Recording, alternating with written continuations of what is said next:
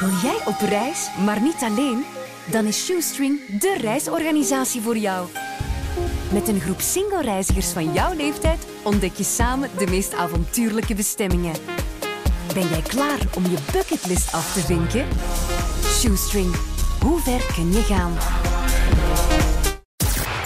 Meet the. Wij van Yes, het jongerenproject van Q-Music, VTM en HLN. Wij praten eigenlijk niet zo graag over jongeren, maar wel met hen. Waar ligt Generation Z echt van wakker? Ik pluk elke aflevering twee tieners of jonge twintigers uit de wereld, zodat jij hen kan ontmoeten. Dat zijn dan twee Z's van Generation Z die heel anders naar hetzelfde topic kijken. We nemen alle tijd die we nodig hebben, want Generation Z kan zich ondertussen wel langer dan één TikTok-video concentreren. Boomers. Uh, en we eindigen ook niet met brakke wanhopen, maar we schrijven op waar we het eens over kunnen zijn. In deze aflevering het hete hangijzer voor de komende generaties. De grootste wereldbrand, het klimaat. Is dat een verloren zaak of de strijd nog waard? Aan tafel een duurzaamheidsdenker die vecht voor de natuur en een jonge boer die vecht voor de survival van de agricultuur. Kunnen zij elkaar toch vinden? Dit is Z's. Welkom. Meet the Z's. Fille en Jutte, hallo. Hallo. En welkom hier uh, aan tafel. Goeie namen ook, Fille en Jutte. Nu al een dynamisch duo. Jutte, jij bent 24. Ja, klopt. Jij bent studenten biologie in Antwerpen. Ja, helemaal juist. En ik ben jou op het spoor gekomen omdat ik op een event van de U Antwerpen uh, hoorde over Green Office. Ja. Daar hoor jij bij. Wat is Green Office? Um, ja, Green Office is eigenlijk een soort van team bestaande uit studenten, uh, betaalde studenten, die uh, op allerhande manieren uh, duurzaamheid in de kijker willen zetten bij zowel het personeel als de studenten zelf. Ja, het groene team van de U Antwerpen eigenlijk. En, Ja. en jij zit daar al hoe lang bij? dit is mijn tweede jaar nu. Oké, dus al best wat ervaring.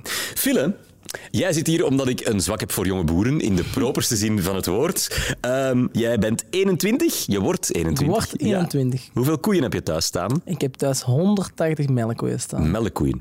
En vlees, doe je dat ook? Of niet? Vleeskoeien hebben we niet staan. Nee. nee. Jij bent ook voorzitter van de Antwerpse Groene Kring. Klopt, helemaal. Dat is een soort vakbond voor jonge boeren eigenlijk, Een tot soort- 35 is ja, dat? Ja. tot 35, van 16 jaar tot 35 jaar. ja, 16 jaar, zo jong beginnen ze al. Dan mag je met een tractor rijden.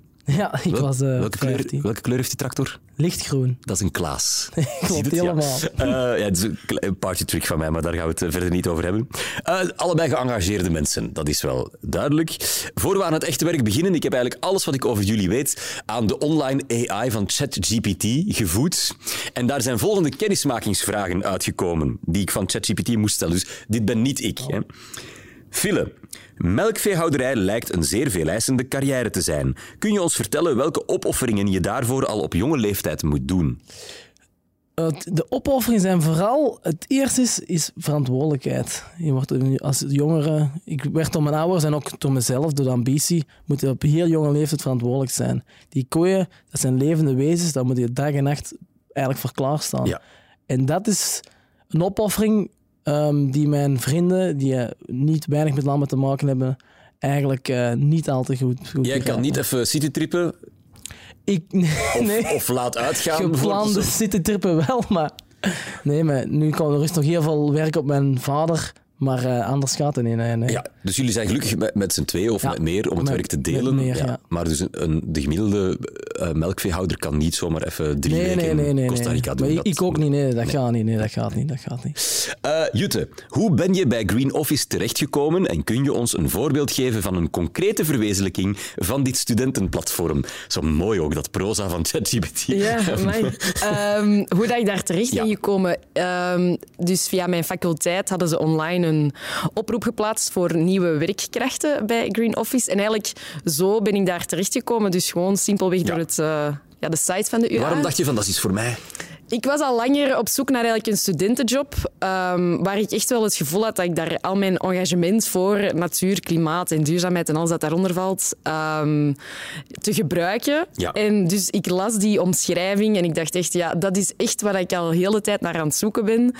En ja, dan heb ik gewoon een mailtje gestuurd. En, eh, En dan het tweede deel, een concrete verwezenlijking. Wat doet Green Office dan eigenlijk buiten vergaderen? Ehm, wij organiseren bijvoorbeeld eh, lezingen eh, en dan proberen wij interessante sprekers te strikken.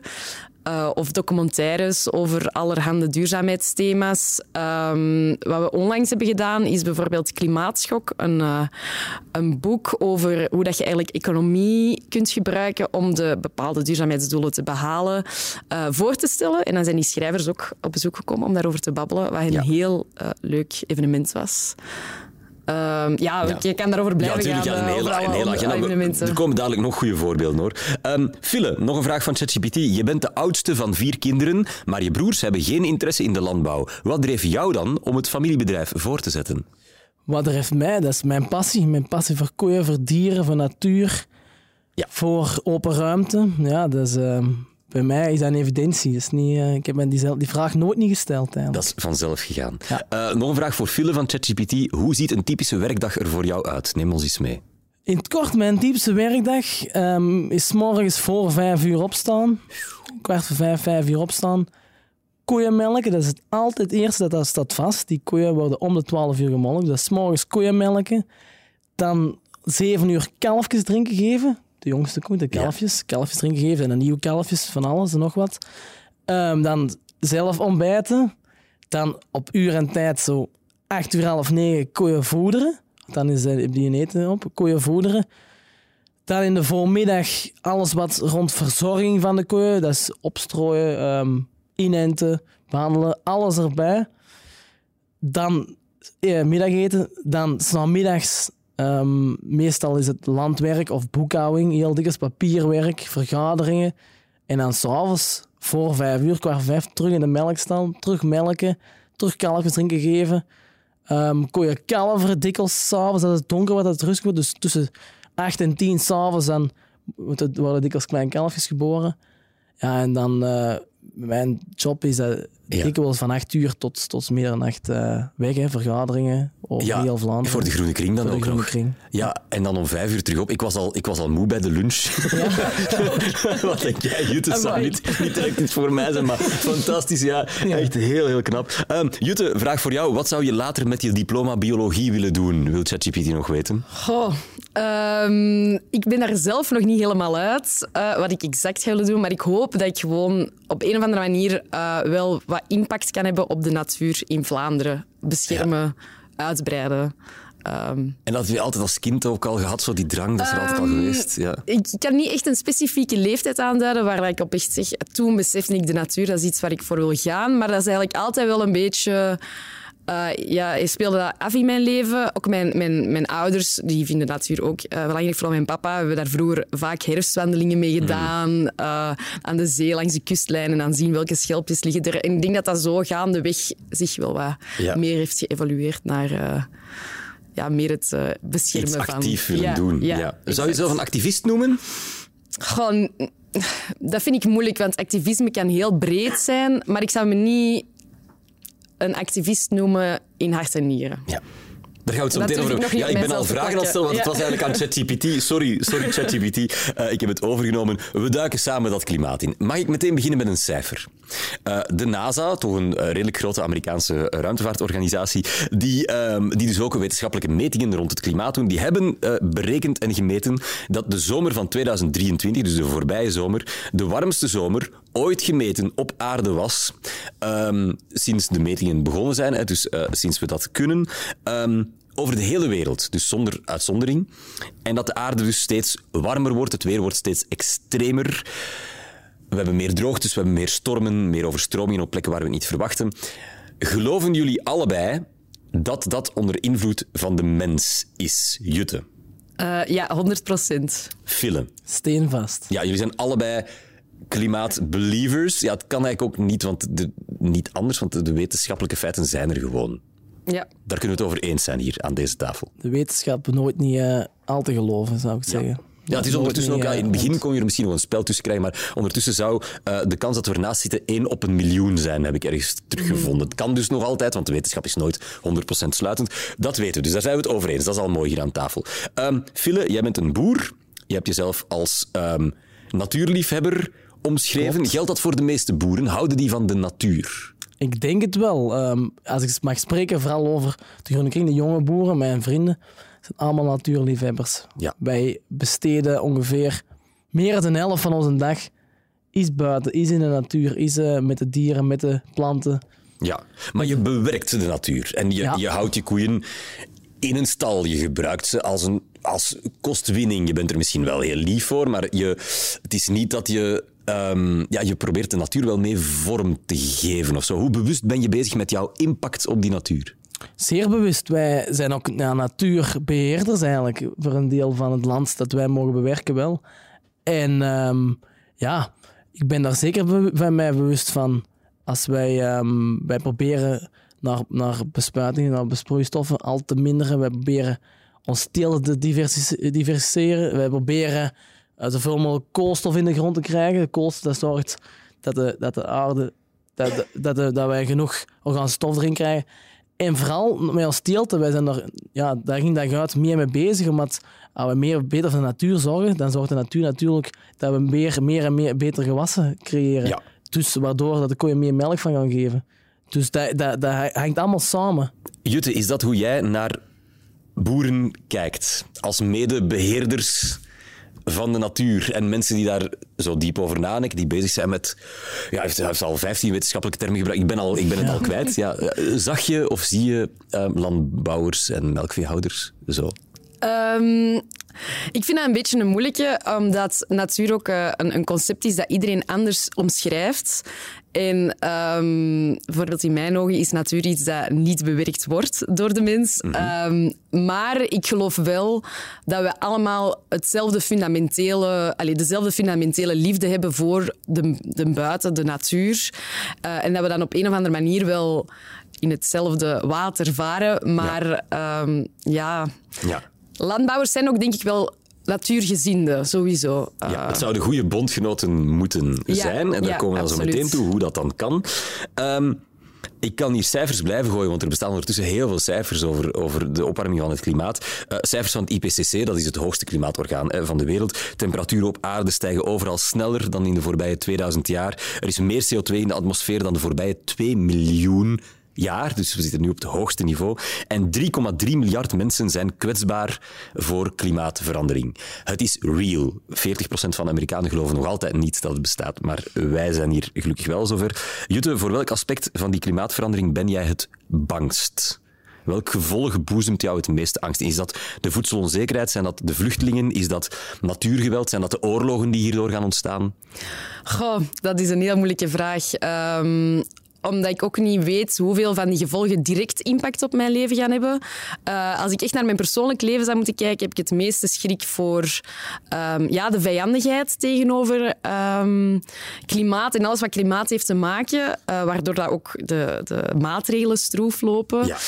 Eh, daar heb ik het meeste schrik voor De momenteel. Ja, de ja. disbelievers. Ehm, maar die zijn misschien ook wel het luidst. Ehm, en ja, in het algemeen heel veel schrik ook voor al die natuurrampen en hoe dat, dat mensen gaat eh, ja, beïnvloeden om, om ja, ja, niet meer verder te kunnen en zo. Eh, daar heb ik het meeste echte impact ja, op mensen. De echte, ja. Phille, lig jij van andere dingen wakker als, als eh, vertegenwoordiger van de landbouw hier aan tafel? Hè? Van, de, van gevolgen, welke gevolgen heeft die klimaatopwarming voor jou? Op korte termijn denk ik, eh, lig ik van andere dingen wakker. Ja. Maar ehm, in mijn persoonlijk leven, zeker de afgelopen zes, zeven jaar, hebben we daar maar één goed teeltseizoenjaar van gehad. Dus heel veel droogte al gekend.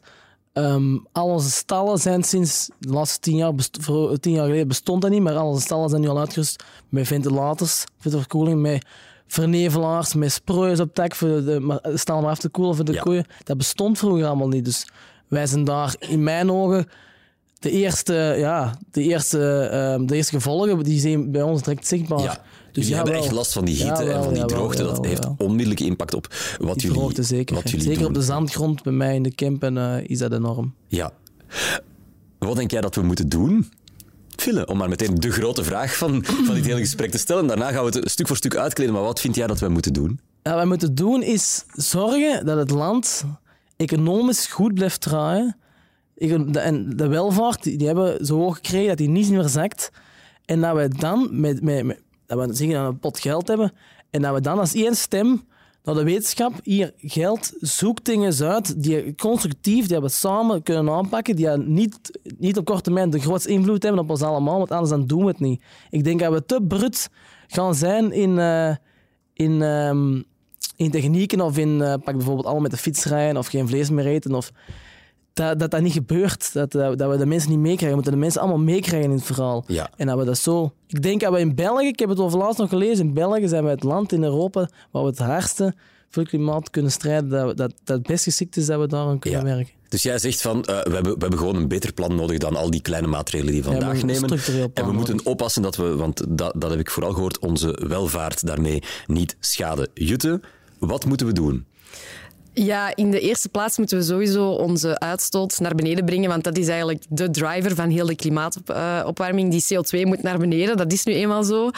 Ehm, en ja, daar heb je zowel inderdaad eh, wetenschappelijke vernieuwing nodig, maar ook heel belangrijk eh, ja, gedragsverandering. Ehm, zoals eh, minder vlees eten, meer met de fiets gaan, minder vliegen, ehm, al die dingen. Maar opnieuw, zoals, ja, daar ga ik wel mee akkoord, je moet iedereen meekrijgen. En ehm, dat moet eigenlijk een samenwerking zijn tussen alle spelers. Ook de industrie is heel belangrijk. Ehm, maar het eindpunt is, CO2 moet naar beneden. En dat doen we door ja, iets minder luxueus te leven. Eh, Dus jij bent Ja. het er niet mee eens dat we onze welvaart moeten vasthouden. Jij zegt van, als dat moet, geven we daar een stuk van op. Ehm, ja, hangt ervan af hoe dat je welvaart gaat uitdrukken. Eh, is dat in ma- materialistische goederen? Ja, dan gaan we daar een stukje voor moeten afgeven, vrees ik. Eh, we hebben ook heel veel spullen en, en dingen die we doen die we eigenlijk niet nodig hebben.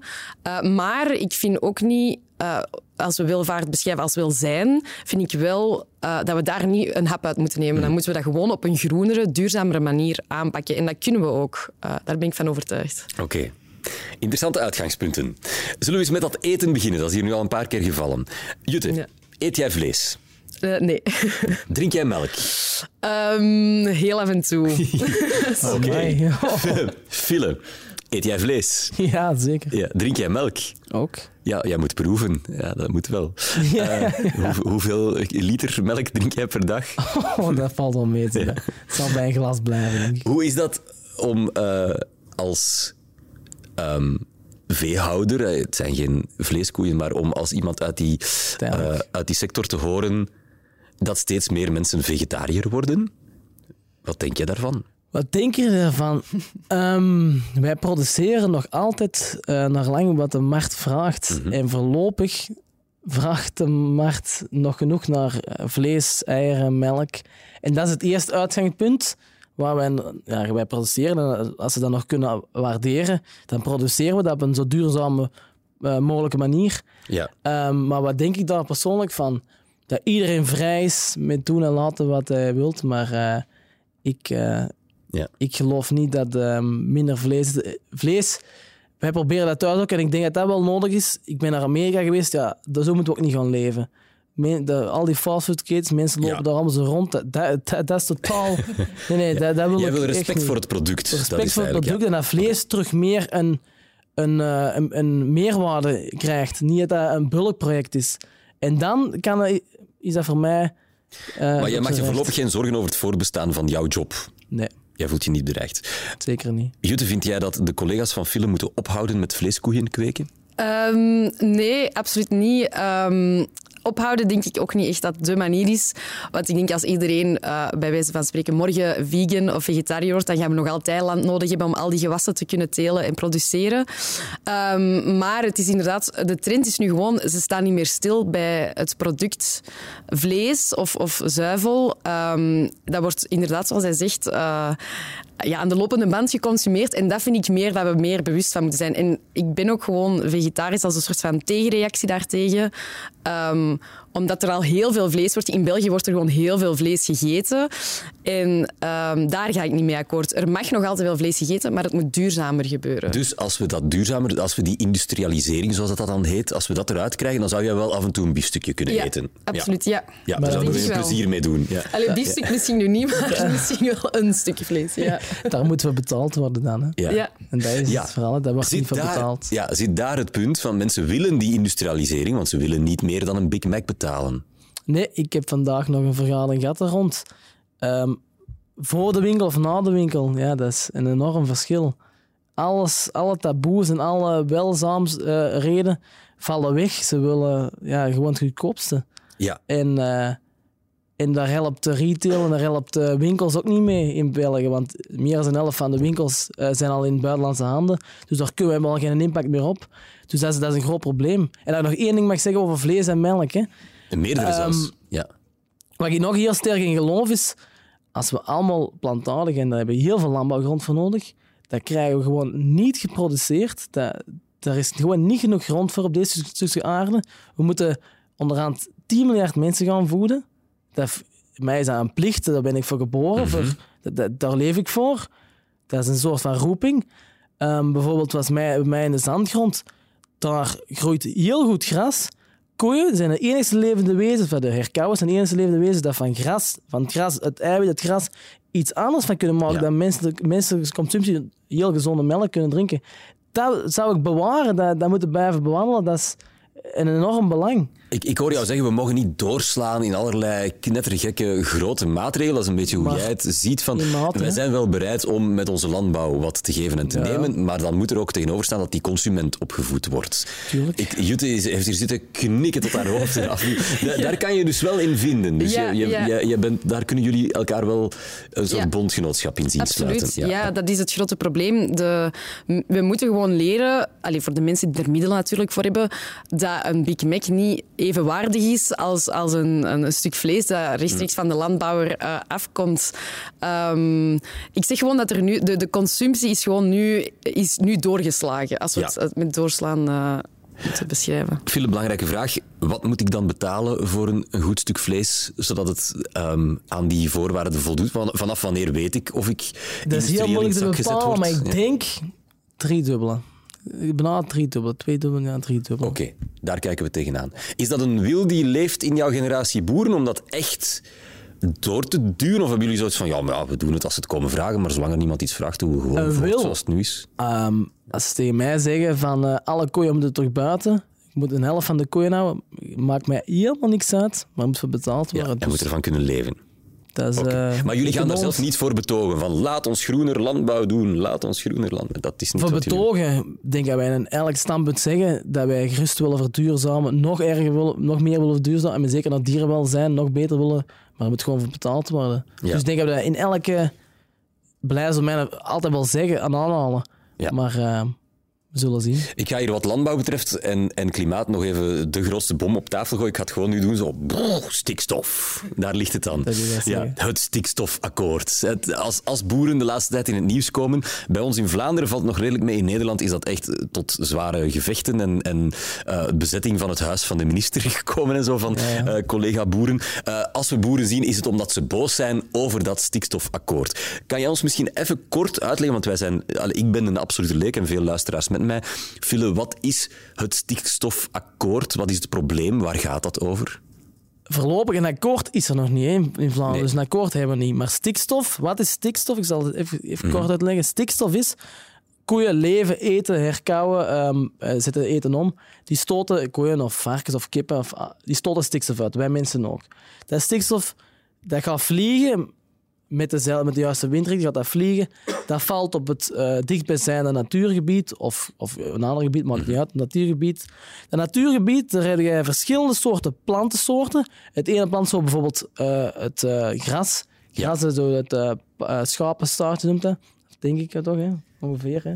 Ja, ik ben een leek, dus Ja, ik gras. ben een cityboy. Aan mij moet je het echt niet vragen. maar gras. Ik zie gras. Of ja. netels. Ja. Of eh varens, denk ik. En die kunnen daar niet tegen. Die kunnen daar wel tegen. Ah, die wel. groeien heel hard. Die groeien daar heel hard van. Bijvoorbeeld een eh, heideplantje of iets anders dergelijks, die, die, kunnen daar, die kunnen daar niet tegen, maar het is omdat die anderen zo hard groeien, Ja. zo hard groeien, dat die die overwoekeren. Datzelfde dan jij, eh, bijvoorbeeld, ik leg het altijd uit, zonnepanelen legt en een buurman zet eh, een huis ernaast en die zet eh, het huis hoger, Ja, eh, de gevel hoger, waardoor je schaduw zit. Dat is net hetzelfde. En dan gaat dan dat die diversiteit van de natuur achteruit. Ja, dus stikstof eh, ontstaat door onder andere kunstmest en veeteelt, komt dan onder andere in natuurgebieden terecht, verzuurt de bodem, plantensoorten sterven uit, vervuilt water, verstikt vissen, eh Ja, beschadigt dat, is- natuurgebieden. dat zijn twee verschillende stikstof. hè. Je hebt ook nitraatspoeling, dat is stikstof, dat is door de bodem. Ja. Dat is bij ons twee, dat is MAP, mestactieplan, en we hebben een stikstofplan. Ja, dat is er dan ook. Oké, goed. Dus eh, dat, is, dat moeten we van elkaar zien. Eh, ja. Dan denk ik van, oké, ja, eh, weg met stikstof, denk ik dan, Jutte, of niet? Eh, ja, nee, want planten hebben stikstof nodig om te groeien. Dus we kunnen niet alle stikstof uit eh, maar de natuur halen. wel pakken minder. Ja, het Ja, probleem is ja. duidelijk. Zelfs de, de hier aanwezige boer kan het heel goed omschrijven. Dus dan denk ik, ja, ja, ja, dat dikke pech, dat moeten we... Wat is jouw mening daarover? Ehm, ja, in principe, hier zou het zo moeten. We hebben een enorme veestapel, dus we hebben enorm veel stikstof. Ehm, dus ja, dat moet gewoon drastisch naar Industrie beneden. ook, hè. Industrie ook, hè. Ehm, ja, eh, dat is waar. En hè, dat is- Ja, Ja, ja, ja, ja. want daar gaat dus de hele discussie over. Stikstofakkoord hebben we inderdaad nog niet. De politiek is er al een paar keer over gestruikeld. We moeten dat oplossen. En jij zegt dus van ja, we moeten minder, want het is gewoon duidelijk dat het slecht is. Ja. ja en dus de landbouw moet daar een bijdrage in leveren. ja, ja, Ja. dat vind ik wel, ja. Wat vind jij, Philip? Ik vind dat we daar zeker een bijdrage in moeten leveren. En wij, wij staan ook volledig voor open. Ja. Maar we moeten ook niet vergeten dat wij sinds 1990 al, een- al meer dan een helft stikstof gereduceerd hebben tegenover vroeger. Dus wij hebben al een hele grote bijdrage geleverd. En dat we op wereldniveau bekijken, het is maar we hier, u zegt het zelf, zo intensief bij, bij elkaar zitten, dat dat heel hard opvalt. Ja. En maar we heel veel natuurgebieden heel ja, verschillend en heel... eh, ehm, allemaal kleine gebiedjes rond ons landbouwbedrijven hebben staan, waardoor dat zo, zo, zo een impact heeft. Maar, eh, maar wij zijn op dat gebied al het duurzaamste bezig van heel de wereld. Ja. Maar wat er aan gedaan moet worden, natuurlijk, wij moeten de ruimte en de tijd vooral ook krijgen. Het is precies, ehm, wij krijgen een akkoord dat we morgen dan moeten oplossen. Ja. Dat wij gisteren al hadden moeten opgelost Ja, er zijn- dat gaat zelfs zo ver, het Ja. voorgestelde akkoord, dat bepaalde landbouwbedrijven zouden moeten sluiten. Ook van jonge boeren. En daar komt het eigenlijk wel op neer. En jij zegt van, dat kan je ons niet in de maag splitsen. Geef ons daar... Ja, hoeveel tijd heb je dan nodig om dat te fixen? Ehm, wij hebben gewoon een lange termijn project nodig. Je kunt daar geen, moeilijk geen tijd op zetten. Dan moeten eerst buitenlandse investeerders moeten hier technieken komen ontwikkelen tegen, dat, we, dat we voor stikstof kunnen reduceren. Hè? Dat moet interessant zijn daarvoor. En die komen er nu niet, omdat wij al dicht moeten, zogezegd, van de Ja. regering. Dus die komen er niet. Dus wij, wij zitten eigenlijk in een hoek waardoor er verschillen langs het buitenland, verschillende technieken zijn, of voermaatmiddelen, of ook minder dieren natuurlijk.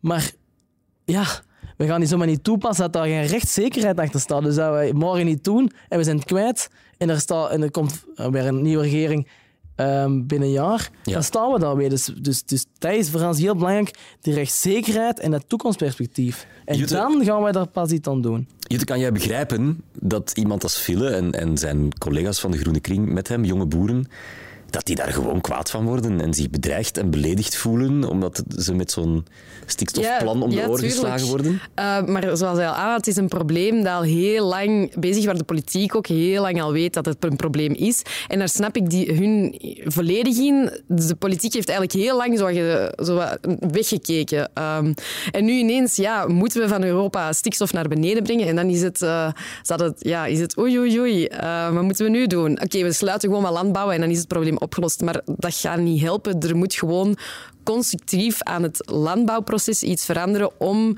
die stikstof naar beneden te helpen. En daar eh, helpt momenteel de politiek absoluut niet mee. Oké, dus Ja. ook daar kunnen jullie elkaar wel Ja, best ja, ja, in vinden. zeker, zeker, ja, dus, eh, jij zou hem wel die tijd geven of mee aan die technologische innovatie werken, bijvoorbeeld. Ja, ik zou sowieso mee eh, willen helpen op die kar voor eh, innovatietijd. Ja, we hebben niet veel tijd en dat is jammer dat dat zo heeft moeten lopen. Ehm, maar dat is natuurlijk door het verleden, omdat het zo lang heeft geduurd. Dus ja, nu is het gewoon tijd voor drastische gevolgen. Maar dan vind ik wel dat zij door, ja, omdat het zo lang heeft aangestipt, dat zij wel meer middelen krijgen om daar ook drastische veranderingen in te kunnen doorvoeren. Ja. Jij bent al eens gaan betogen voor het klimaat, hè? Ja, klopt. Ja. Ja. Ja, Wij zijn het ook van. Ben je al eens, ja, ben je al eens gaan betogen eh, voor- zo, nog met, nog met de tractor nooit, naar maar Brussel? gaan dat wel doen. Maar- ja, ja, wel gaan betogen, maar niet voor het klimaat nog niet. Maar mag ik hier nu eens even een voorstel doen? Als jullie nu eens samen zouden gaan betogen, al die klimaatactivisten en de boeren, samen. Want dat is wel wat er uiteindelijk Ja, ja. gebeurd is door de politiek en door de Ja. media. Jullie zijn allebei in aparte hoeken van de boksring gezet. Altijd. Terwijl jullie eigenlijk hetzelfde zijn, Wordt ja. het is geen tijd dat jullie, jonge activisten onder elkaar, Dat dat denken gewoon wij even zeker. uitwisselen en samen aan de slag gaan? Want ik hoor hier eigenlijk alleen maar gelijkgestemdheid. Ja, we moeten ons meer rond tafel zetten en Ja. niet uit elkaar laten spelen. Nee. Ja. Maar ik heb wel het gevoel dat die tendens wel aan het opkomen is om natuurbeheerder en beheer en landbouw hand in hand te laten gaan. Want er zit enorm veel potentieel in de landbouw. Ook voor soortendiversiteit terug op te krikken eh, en, en al die dingen. Er is echt heel veel potentieel. En inderdaad, we zijn, we zijn bondgenoten. Daar eh, ben ik mee akkoord. Dat gaan we onthouden. Fille, zie jij jezelf ehm, je vastlijmen aan een schilderij van Rubens om een punt te maken over de landbouw en klimaat en de toekomst? Nooit. Nee. Nee. Wat vind je daarvan dat klimaatactivisten dat soort technieken gebruiken? Met verf gooien, zich vastlijmen? Die mogen dat doen. En dat is meer uit een, ehm, ja, ik denk laatste roeping. eh, of dat is meer, meer zo, ja, wanhoopsdaad, denk ik dan. En ik zeg nooit niet dat ik, ik zo'n wanhoopsdaad niet ga doen, maar eh, ehm, ik zeg, mannen, ehm, doe er eens iets aan. En, eh, en ga meer rond tafel en probeer, er, probeer constructief echt een plan door uit te werken dat leefbaar is en dat economisch niet te veel schade brengt. En dan gaan we verder. Hè. Ja. Zo wat op, op, eh, nu was in Nederland eh, op straat gaan liggen of aan, ehm, aan schilderijen plakken, dat Ja. Vind totaal zinloos. Heb jij al eens aan de A- A12 in Nederland of de A2 in Nederland Nee, vastgelijmd? nee, dat een paar weken geleden was het weer van dat. Ik Ja. was in Den Haag en ik heb in de file kost gestaan. elke dag een miljoen euro. hè. Ja, ehm, maar dit- begrijp je dat mensen zo ver gaan of is dat spielerij van een paar extremisten? Nee, nee, nee. Ik, ik begrijp dat volledig. Ehm, we hebben die mensen ook nodig om ja, constant eigenlijk zo die, die luis in de pels te zijn van hey, we moeten er nog altijd wel mee bezig zijn. Ehm, ja, keep focused en, en luister naar ons. Ehm, ja. Hoewel het straffen is, en want dan wil ik komen tot eigenlijk het hele punt. Ehm, de VN-secretaris-generaal Antonio Guterres.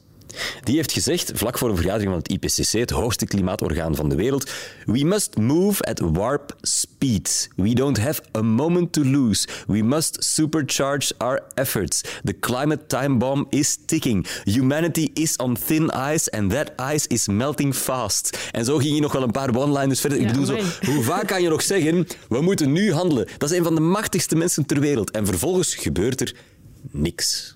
Ja, Hoe komt ongelooflijk hè. dat? Ja. Hoe komt dat? Ehm, ik denk dat heel veel mensen gewoon nog niet de heel die problematiek echt op hun dagdagelijks leven ervaren. Oké, we hebben warme zomers, dan gaan we in onze woonkamer zitten met een airco aan.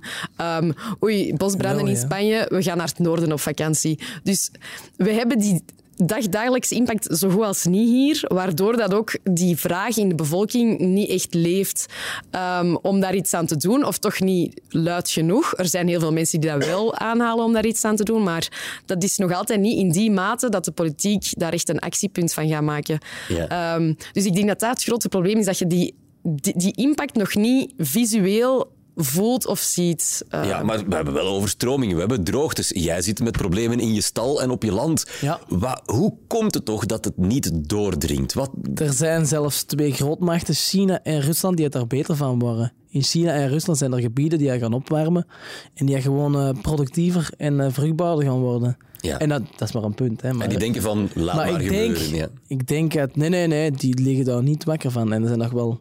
Amerika ook niet. En Europa wilde altijd de eerste en beste van de klas zijn, maar eh, Europa is eh, het Westen. Is eh, op alle vlakken, dan heb ik niet alleen over klimaat, is, is achteruit aan het gaan. Wat jij ook al een paar keer hebt aangeraakt, File, is het zijn vaak losse ehm, maatregelen, zoals die stikstof, is een soort Ja. paniekmaatregel, Paniekmaatregel. als ik je dat hoor vertellen.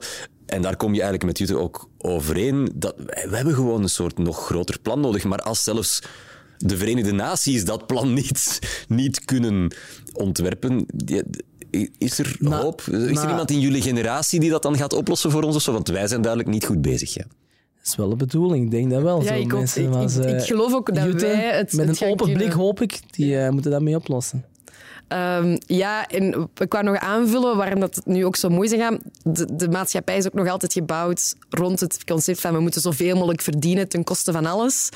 Eh, en zoveel mogelijk grondstoffen gebruiken tot het echt niet meer kan. Ehm, dus daarmee denk ik dat ook alles een beetje slabakt. Ehm, Ja. Ook die landen zoals China, die ja, lang eigenlijk arm- armoede hebben gekend, alleen nog altijd wel armoede, die zijn nu aan het groeien economisch. En die denken, ja, hallo, wij willen ook wel dezelfde welvaart als jullie hebben.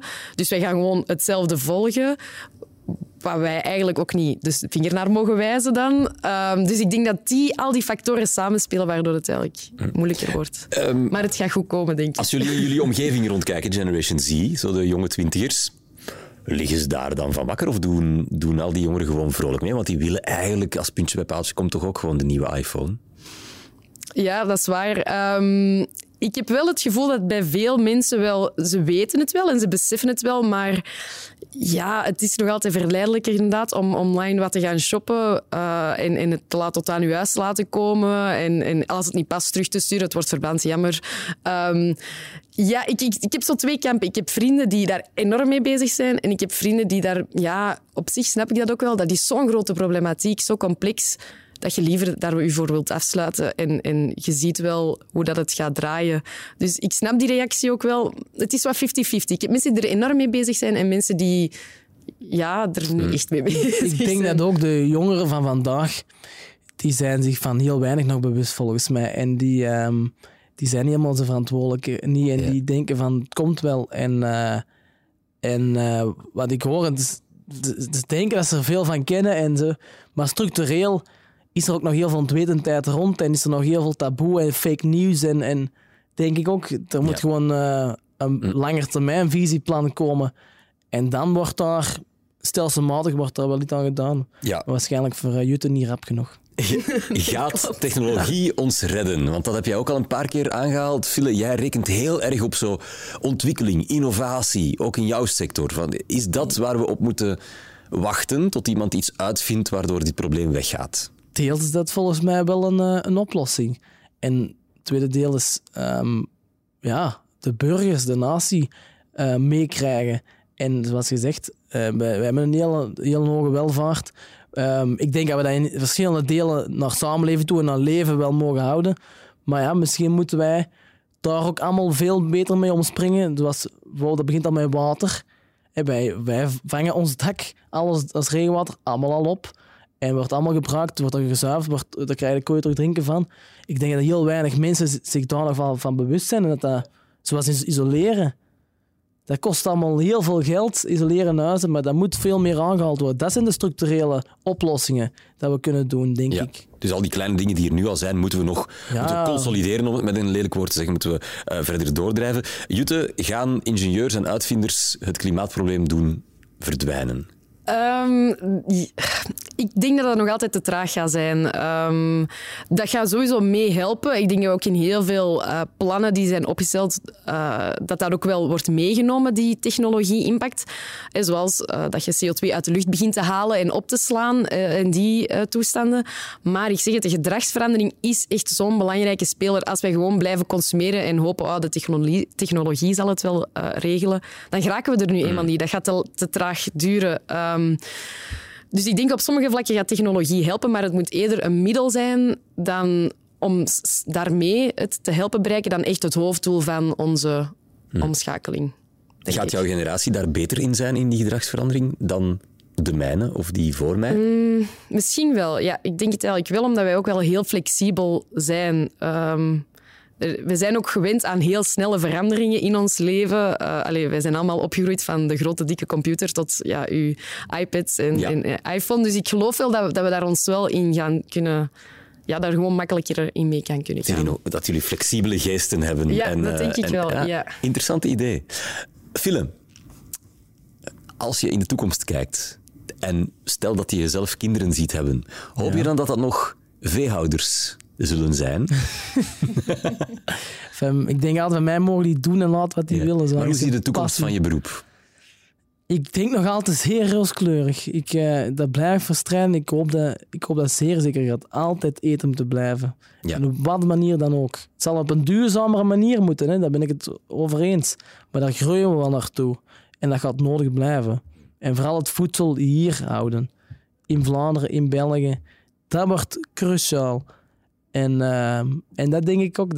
Dat is Jutta dan volgens mij zich niet van bewust. Net zoals ik mij dan misschien te weinig van het klimaatprobleem bewust ben. Maar uh, daar gaat het nog wel bij uitkomen. Dat is super belangrijk. Ja. En dat is mijn drijfveer. En ook van, hoop van mijn kinderen ook. We hebben heel veel uh, overeenkomsten gevonden ja, tussen inderdaad. de, ik noem je oneerbiedig, uh, iets wat activistische klimaat. Nee, dat is niet oneerbiedig, dat maakt En de, de activist voor de landbouw en de veeteelt. Vind ik heel knap, ben ik blij om. Jutta, wat neem jij mee van dit gesprek vandaag? Dat er heel veel uh, goesting zit bij de landbouwer om, om samen te werken aan een oplossing. Ehm, en vooral, ja, we moeten naar elkaars sector, zal ik het maar even noemen, kijken met een open blik en openstaan voor elkaars inzichten en wetenschap. Want ik geloof ook dat er heel veel kennis in landbouw zit, dat ons ook nog heel veel gaat verder helpen. Ehm, ja, dat is vooral, ik meen dat er wel ja, goesting daarvoor is om zich niet vast te houden aan de praktijken die er nu zijn. Fille, gaan jullie samen een betoging organiseren? Of is er nog iets anders dat zou wel mooi zijn. van hier we zullen, vandaag? We zullen nummers uitwisselen. Ja. ja. Wat, uh, wat heb jij geleerd van Jutta dat je graag wil meenemen? Dat niet alle klimaatactivisten op straat te plakken. En, en, ja.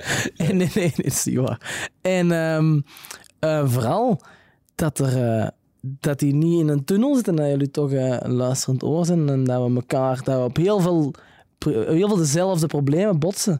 Ja. Uh, naar overheid toe, naar maatschappij toe. Dat had ik uh, niet zo verwacht. Uh, we moeten dit duidelijk vaker doen. Dat, ja. dat, is al één stuk van mijn opzet geslaagd. Tot, tot slot, uh, ik rond deze podcast uh, altijd af met de vraag.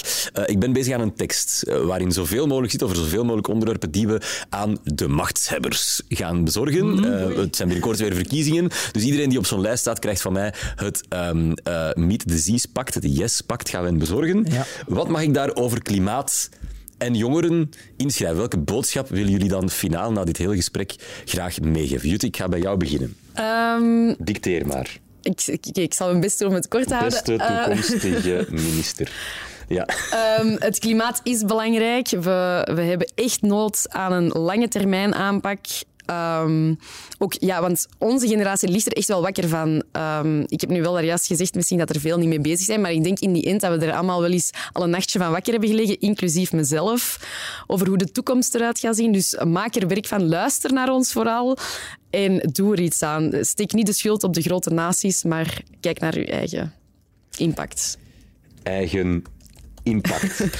Amai, goed dat ik nog dactylo gevolgd heb, of niet. Uh, wat wil jij daar nog aan toevoegen? Dat we moeten stoppen met in hokjes te denken. Dat op elk vlak, dat we lange termijn projecten uh, voor ogen moeten stellen.